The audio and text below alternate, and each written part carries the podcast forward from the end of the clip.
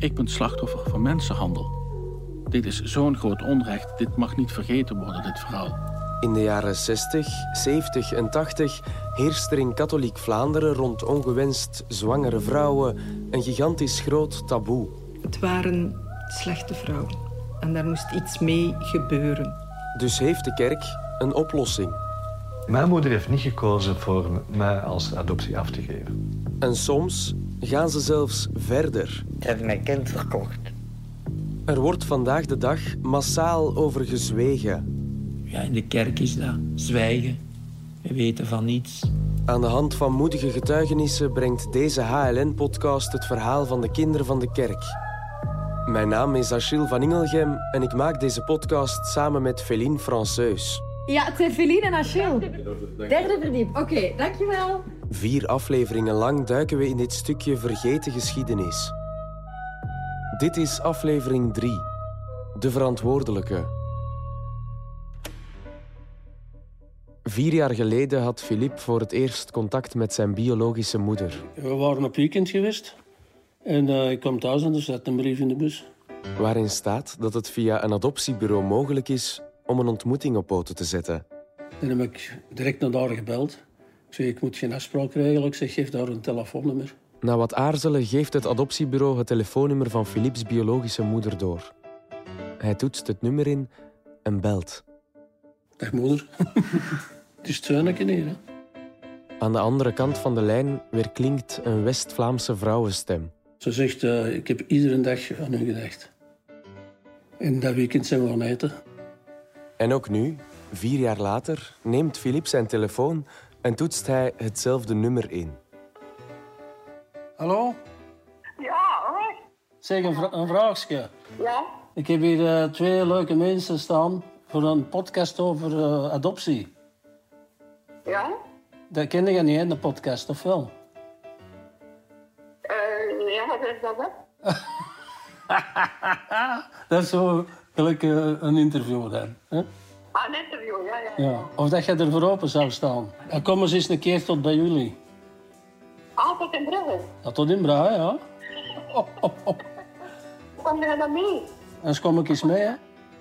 En op die manier wordt er ook voor ons een afspraak op poten gezet met Els, de geboortemoeder van Philippe. Tada, doei doei. Doei.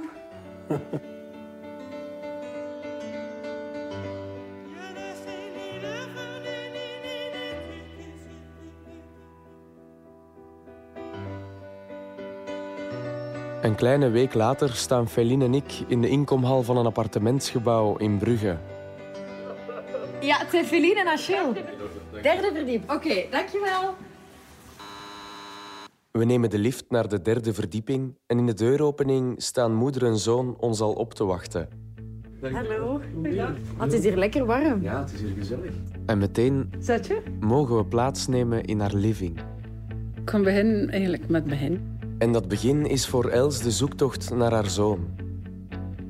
55 jaar na zijn geboorte besluit ze op zoek te gaan naar hem. We waren naar Rotinier geweest, omdat al de papieren van Therese Wanten naar daar overgehegeld waren. Therese Wante is de speelfiguur van het voormalige tehuis Villa Bambino uit Schoten. Alex is dan beginnen zoeken op de computer. Dan zijn we die dag naar Rotinier geweest. En omdat ze dan wisten, we hebben hem gevonden, we weten wie dat is. Filip heeft dan een brief gekregen, twee dagen erachter. En eh, de avond zelf belde hij al. Dag moeder. Het is Tuineke hier, hè. hè. We hebben de week erachter afgesproken om iets te gaan eten. Philippe rijdt vanuit de Noorderkempen helemaal tot in Brugge. Ja, ik ben zeer stationaal, hè. Ja. Op weg naar de eerste ontmoeting. Ik stond beneden te wachten, maar ik wist verzekerd op dat moment nog niet dat dat dekblad in dat stond. ik zei, ik kon wachten beneden voor de lift. Ja, wel in spanning. Ja, goed. Dat is iets waar je al lang naar uitkijkt, natuurlijk, hè. Dus, eh, Had ze stress om hem voor de eerste keer te ontmoeten? Nee, dat viel eigenlijk wel mee. En gisteren? weet je niet. Nadat hij Els heeft opgepikt, rijden ze samen door naar een gezellig restaurantje in de Breidelstad. Wat hebben jullie toen gegeten? Eh, Chateaubriand. Met BNS. Dat is haar, haar lievelingsdingen ook. Mijn ook. dat wil ook weer lukken. Ja. We hebben zo gebabbeld, gebabbeld.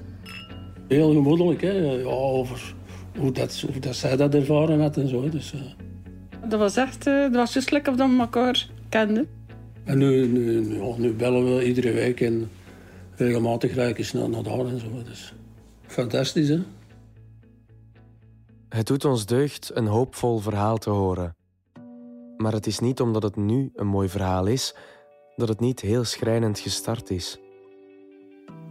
In dat jaar, als ik zwanger was van Filip, ja, ik moest nog 17 jaar worden. Dat was taboe, dat was not, not done eigenlijk. Hè, ja. Want in het begin dus heb ik eerst, ja, eerst nog naar school geweest, dat op een bepaald moment dat dat niet meer ging. Maar ik moest dan turnen en dat ging dan ook al niet meer. Ja. Zodra haar zwangerschap zichtbaar wordt, steken haar ouders haar weg. Dan heb ik eh, een paar maanden in Oostende gezeten op het appartement van mijn onkel. Dan kwamen mijn ouders mijn eten brengen. Doorheen die maanden wordt Els steeds meer. Dan heb ik een week of twee in de klooster in de pannen gezeten. En meer en uh, na die 14 dagen dan zijn we dan verhuisd naar Malo-les-Bains. En meer geïsoleerd van de maatschappij. Totdat ik moest bevallen eigenlijk. Hè. En ook priester Rick de herkent deze verhalen. Zij waren dan de schande en zij moesten dus weggestopt worden. Dat was het echt. Weggestopt, geen onderwijs meer, slagen, pesterijen. Zij waren de schuld. Dat moet psychologisch voor die meisjes verschrikkelijk geweest zijn. En, en, hoe stond jij tegenover die zwangerschap? Want door je omgeving werd het heel erg afgekeurd. En ze verstoppen u in appartementen aan zee en bij je tante. En schaamde jij je daar ook voor dat je zwanger was? Ja, ga je mee in dat verhaal van... Ja. Het is zo en het is zo. Hè. Het is, uh, kan je niet verder... Ja. Maar ze hebben er nooit, nooit tegen mij over gesproken. Hè. Of dat nooit ik niet vragen of, of, of wist. Of, niks, niks. Dat was juist lekker dat dat niet bestond. Want uh, de nacht dus dat ik uh, krampen kreeg, dat ik gewoon pijn in mijn buik had. Ik wist niet wat dat er ging gebeuren of er me nooit niemand iets verteld. Uit pure paniek en onwetendheid belt Els een taxi die haar naar het ziekenhuis van Malo-les-Bains brengt. En ze hebben er dan in een bureautje gelegd, hebben wel het beddetje. Um, en rond een uur of tien zijn ze me dan komen halen en dan hebben ze me naar de bevallingskamer gedaan. Maar dan hebben ze mij in slaap gedaan. En dan ben ik wakker geworden in een kamertje beneden in de kelder. Heel in bloed. Uh, in, dat, in die kliniek. Zo in een keldertje. Ze was bevallen en ik werd gelijk afgenomen. dus ze heeft me ook niet vastgenomen. Hè. Dus, uh, voor haar was dat natuurlijk een trauma. Hè. Kort na de bevalling komt er een verpleegkundige naar de kelder. Ze zei, c'est toi qui dois donner le nom. En op dat moment wist ik nog niet of dat een jongetje of een meisje was. En dan zei ze, c'est un petit garçon. En dan heb ik gezegd, Philippe. Maar je hebt hem nooit gezien, hè? Nee, nee, nooit, nooit, nooit. Nee, nee. Dat was weg. Enkele uren later wordt Els naar een gewone kamer gebracht. Dan mocht dat wel, ja. Waar ik gewoon een patiënt. En terwijl Els aan het bekomen is van de bevalling, is haar zoon Philippe al onderweg naar België. Het is een beetje een beeld dat echt niet past, ik weet het. Het is, het is echt niet fijn wat ik ga zeggen, maar ik kan het niet anders verwoorden. Het doet mij denken aan, je kent die film van de Funès. Er komt nog altijd die non in voor, met haar grote kappen aan, die zo in een klein 2 pk'tje over de weg hobbelt, met die kap die zo zit uh, zwabberen. Die twee nonnen vooraan, met hun kappen aan, hobbelend over de oude wegen van Vlaanderen, want ze moesten allemaal klein wegen gebruiken.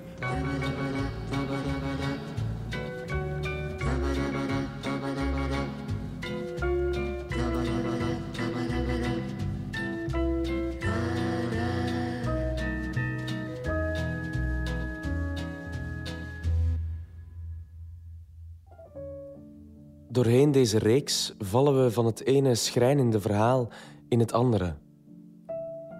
Een vraag die dan ook voortdurend door ons hoofd spookt tijdens het maken van deze podcast is: hoe is dit allemaal kunnen gebeuren? Om daar een antwoord op te krijgen gaan Feline en ik ons licht opsteken bij Monseigneur Kozijns. Ja, ik spreek hier in naam van de bisschoppen. Herman Kozijns was van 2011 tot enkele maanden geleden secretaris-generaal van de Belgische Bisschoppenconferentie. Een van de hoogste rangen binnen de katholieke kerk in ons land. Voor aanvang van het interview moesten we hem een scenario bezorgen met onze vragen in.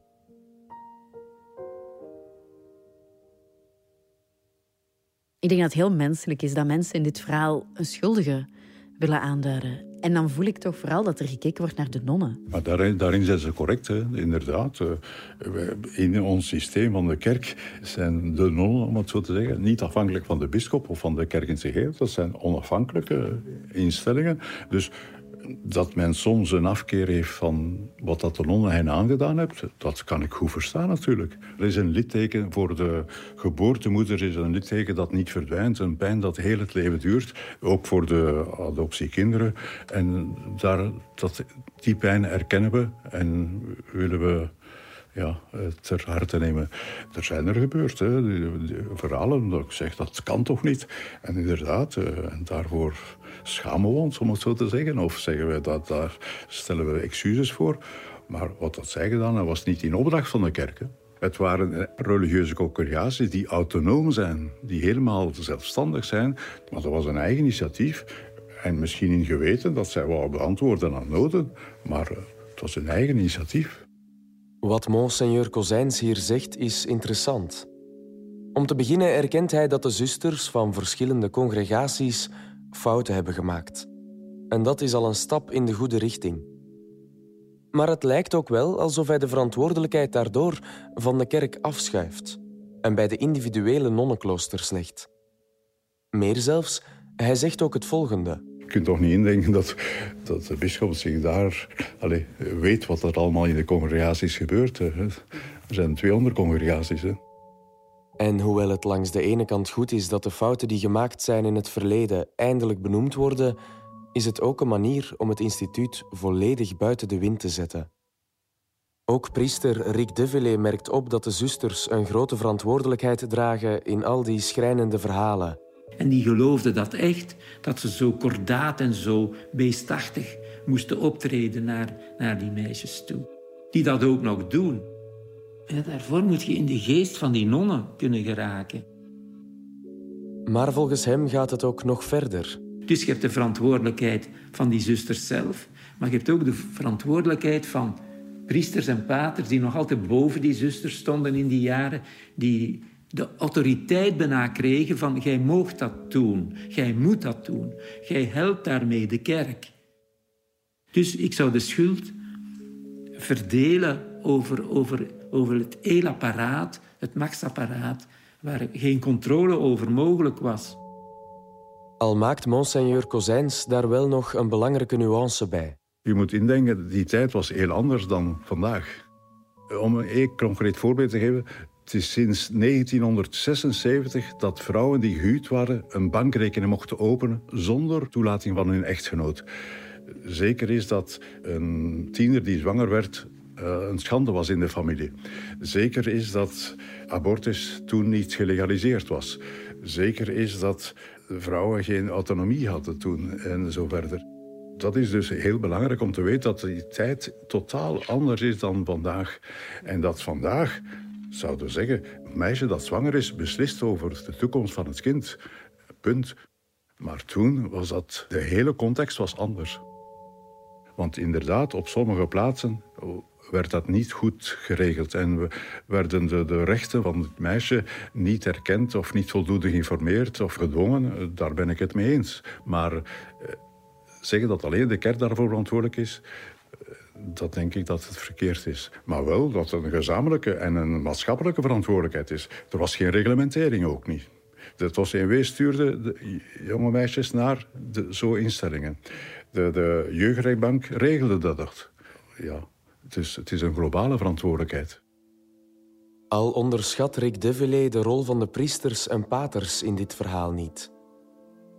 Zij verwezen zwangere meisjes dikwijls door naar naburige tehuizen.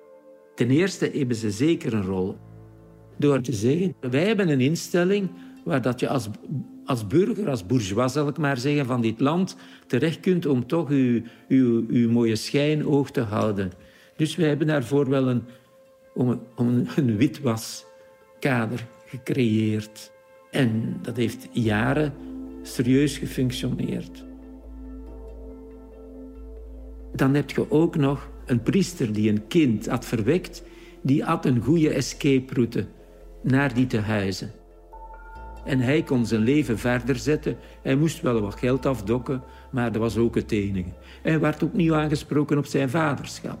Hij moest dat zelfs niet gaan bezoeken als hij daar geen zin in had. Tijdens het maken van deze podcast zijn Feline en ik op zoek gegaan naar verantwoordelijke zusters en priesters die kunnen getuigen over de wanpraktijken rond de gedwongen adopties. Maar waar we ook langs gaan, overal krijgen we hetzelfde te horen. Zijn er andere zusters waar wij dan eens mee zouden kunnen gaan praten? Ofwel zijn ze overleden. De zusters die daar gewerkt hebben, die zijn overleden. Ja. En anders is er niemand. Ofwel hebben ze dementie. Je moet het ook wel een beetje haar beschermen daarin natuurlijk. Hè. Ja. Als ze inderdaad volledig uh, zelf kunnen beslissen, is er geen probleem. Maar ja, als dat niet is, is dat moeilijk. Een demente situatie. Ja, in de kerk is dat zwijgen. Dat is ook een vorm van dementie. Dus je weet het niet meer. We weten van niets. Ja, dat oude verhaal vind ik heel spijtig. Dat ze dat niet geleerd hebben. En dat ook zij die, die zelfs die oude nonnen nog zouden kunnen wakker schudden en zeggen... Zeg het nu toch maar eens. Want zij zitten zo onder die dwang van die kerk van je moet zwijgen. Het is ook wel opvallend dat u bent eigenlijk de enige die met te woord wil staan, uh, samen met een priester Rick de. Waarom denkt u dat de zusters dan bijvoorbeeld, dat die toch kiezen om te zwijgen? Ik denk dat de meeste 90 jaar zijn en dat die niet gewoon zijn om met de media om te gaan. En dat we daarom schrik hebben en, en zwijgen. En begrijpt u dat? Ja, uh, dat is hun verantwoordelijkheid. Hè? Uh, of dat ze antwoorden of niet antwoorden. En waarom worden die zusters nog zo beschermd door de kerk? Dat is nog het oude systeem van gehoorzaamheid. Ze, ze zitten nog helemaal vast in dat karkaan van, van gehoorzaamheid aan moeder overste en de zwijgplicht is enorm. Ze komen niet tot het besef dat het over misdadige feiten gaat. Dat ze van bovenuit ook gesteund zouden worden van zeg het maar eens. Ja, dat en dat is er volgens mij niet. Ik ben Benoit. Ik ben geboren op 1 april 1962 in Frankrijk. En ik ben over grens gesmokkeld een paar maanden later door Therese Wantem. En geadopteerd door een koppel uit het Antwerpse. En de rode draad in mijn leven is feitelijk genealogie. Genealogie is een ander woord voor stamboomonderzoek. En waardoor dat ik heel veel mensen heb kunnen helpen met biologische moeders, uh, vaders te vinden, uh, broers, zussen, zo van alle dingen. Benoit zet zijn hele leven in het teken van zoeken. Zowel privé... Ja, dat, dat ligt in mijn aard, ik wil gaan zoeken. Als op professioneel vlak. Bewust gaan solliciteren, dienstbevolking van Antwerpen, heel saai. Maar dan kon ik, kon ik gegevens aan, hè, de, de geboorteactes en waar mensen woonden. Maar altijd in functie van iemand anders, nooit in functie van mijn eigen. En daarnaast lag hij ook aan de basis van verschillende organisaties. Ik ben mee oprichter van het afstammingscentrum. Ik heb dan binnenlands geadopteerd, mee opgericht. We mogen dus wel stellen dat Benoit een expert is op vlak van binnenlandse adopties. En daar heeft hij een goede reden voor. Het is een beetje een therapie voor mij geworden van als ik een ander help, helpt dat mij. En dat komt doordat ik zelf op zoek ben gegaan en dat ik ook niet kon vinden. Al op jonge leeftijd is Benoit bezig met het vraagstuk rond zijn adoptie. Wij hadden een grote map thuis en mijn vader zei, die map die mocht je niet inzien. Uiteraard, als je tegen een kind zegt van je mocht dat niet doen. Dat heeft niet lang geduurd voordat ik die map heb gevonden. Nu, in die map zaten nu juist de papieren van mijn adoptie. Daaruit bleek dat op mijn geboorteakte niks stond. En na een tijd neemt het zijn hele leven over. En dan ben ik feitelijk in die molen terechtgekomen van dat ik echt wilde vinden en ik zou vinden. En dan is er feitelijk een, een periode aangebroken rond mijn 17, 18 dat een beetje een obsessie werd. Meer dan twintig jaar lang draait Benoit elke steen om die hem ook maar een beetje kan leiden naar zijn biologische moeder. Proberen te gaan opzoeken. Ik ga op zoek, opzoekingen gaan doen, gaan zoeken. Hij gaat zelfs verhaal halen bij Villa Bambino van Therese Wante. Therese Wante proberen te gaan opzoeken. Maar ook daar krijgt hij te horen... Wij hebben niks. Het is gewoon niks. Na 47 jaar zoeken lijkt de enige mogelijkheid die hij nog ziet... DNA afstaan in een databank. En juist voor mijn verjaardag kwam het resultaat. En feitelijk had ik geluk. Er komt een match met een familielid uit... en langzamerhand begint zijn puzzel eindelijk in elkaar te vallen. Via via komt hij zelfs in contact met een zus van zijn moeder. Ik heb die gebeld. Ik heb gewoon gezegd van... Uh, ik moet dicht familie van u zijn. Ik weet niet zo goed waar. Uh, niet gezegd dat ik geadopteerd was. En dat was een heel tof gesprek. En dan heb ik die teruggebeld. Ik zeg, ja, nu zal ik de hele uitleg doen. Ik zit met een probleem. Ik ben anoniem geboren. Het is feitelijk mijn tante. En zo is Benoit nog slechts één stap verwijderd van zijn moeder. Die heeft naar de zus gezegd, kom maar even zitten. Ik heb uw zoon gevonden. Samen met een sociaal assistente wordt er een ontmoeting geregeld. Dat was een donderdag 19 juli, denk ik. Drie jaar geleden. Zij komen ertoe en dan zingt zo'n heel tenger madameke staan. Maar dat ik direct zag van, wauw, die heeft mijn lippen. Van het ogenblik dat ik er binnenkwam, had ik zo het gevoel van, deze is juist. Ik kwam binnen en dus mijn moeder, die, die niet goed weet of dat ze me een kus zou geven of ze mijn hand zou geven. Dus ik liet ze gewoon wat zij wilde doen. Dus op de duur gaf ze mijn hand. Na een onwennige kennismaking nemen ze plaats aan de tafel. Maar één iemand blijft recht staan. De man van Benoit's biologische moeder. Die man die bleef recht staan en zei... Ja, veilig vinden niet zo tof, want uh, het is misschien voor geld en dit en dat. Maar dat ik op antwoorden, meneer, ik ben wettelijk geadopteerd. Ik sta op geen enkel voet. Ik kan nooit erven en ik wil ook niet erven. Ik heb ouders, ik ben niet op zoek naar nieuwe families. En daar is de kous mee af. Uiteindelijk breekt zijn moeder het ijs en vraagt ze... Waarom hebben ze lang gewacht? Dus mijn respons was, waarom zit jij in Frankrijk anoniem gaan bevallen? Um, ik zeg, heb jij ooit nog aan mij? Ah ja, zegt ze, ik ben na je geboorte drie maanden nadien ben ik terug naar daar gegaan. En we gaan vragen waar jij was. Maar toen zei ze dat je dood wordt. Dan was het ineens van, zit op Werchter geweest? Ja, zegt ze, ik, ik, ik hou van muziek, van muziek houden van... Dat was zo bizar, dat gesprek. En dan op een gegeven moment wou ze het wielrennen zien. Dat was zo maf. Oké, ik moest dat mee gaan zien. Benoit en zijn moeder kennen elkaar nauwelijks een half uurtje, maar intussen zitten ze al naast elkaar in de zetel naar de koers te kijken. En toen zei ze van, heb jij dan nu nieren? Ik zeg, ja, ik heb een niertransplantatie gehad al elf jaar. Ah, zegt ze, dat zit erfelijk in de familie. Dus dat bleek te zijn. Het is de eerste keer dat Benoit een koers van begin tot einde volgt, maar voor hem kan het niet lang genoeg duren.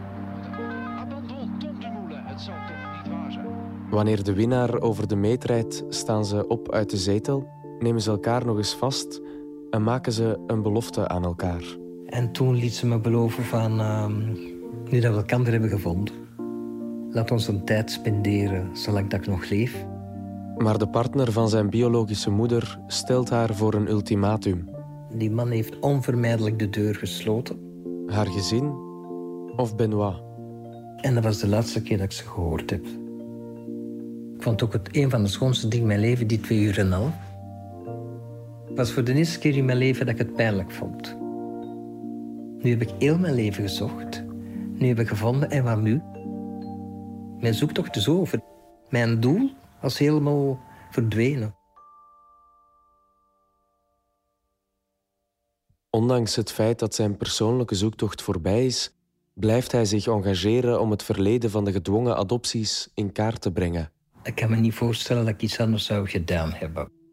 Zijn expertise geeft ons dan ook voldoende vertrouwen om een vraag te stellen die nogal gevoelig ligt. Een vraag die we al langer willen voorleggen. Er zijn ook verhalen dat er geld gemoeid zou zijn met de adopties. Weet je daar iets over? Omdat mijn vader heel minutieus alles heeft bijgehouden, weet ik, weet ik ongeveer dat mijn adoptie in der tijd rond de 25.000 Belgische frank heeft gekost in 62. En ik weet van mijn biologische moeder, want er is er wel even over begonnen, dat ook haar vader, dus mijn grootvader, eerder leven heeft verweten dat hem heel veel geld heeft moeten betalen voor de bevalling in het buitenland. Dus 25.000 Belgische frank was in 62 niet doorsnee. En het is niet de eerste keer dat we dit soort verhalen horen. Ik heb mijn kind verkocht. Enkele duizenden Belgische franken, wat in de jaren 60 toch wel heel veel geld was. Ik heb gehoord dat voor een miljoen Belgische frank. 3500 euro per kind. En je hoorde wel verhalen ook van... Oh, mijn ouders hebben dan de financiering betaald van uh, het schilderen van de kapel... of de restauratie van in de kerk iets. Of vrijwillige sponsoring. Ik ben als kind verkocht voor het geld. Ik ben bij mijn biologische moeder weggehaald voor het geld. Werd er betaald voor kinderen? En waar ging dat geld dan naartoe? Je hoort het in de laatste aflevering van Kinderen van de Kerk. Volgende keer. Dan zie je zo dat die zusters van Tamar, zusters van Liefde, zich drie keren rijk maakten op de kap van het slachtoffer. Er moest ook een rekening betaald worden van het logement, eventueel van medische kosten die daar gebeurd waren, van de geboortekosten. Daar waren kosten aan. Maar voor ieder kind moest er gedoneerd worden. En zonder donatie kreeg je geen kind.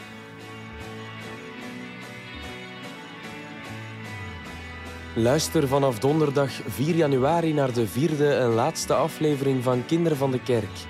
Exclusief in de HLN-app. Heb je na het beluisteren van deze podcast nood aan een gesprek? Dan kan je altijd terecht op het gratis nummer 1813.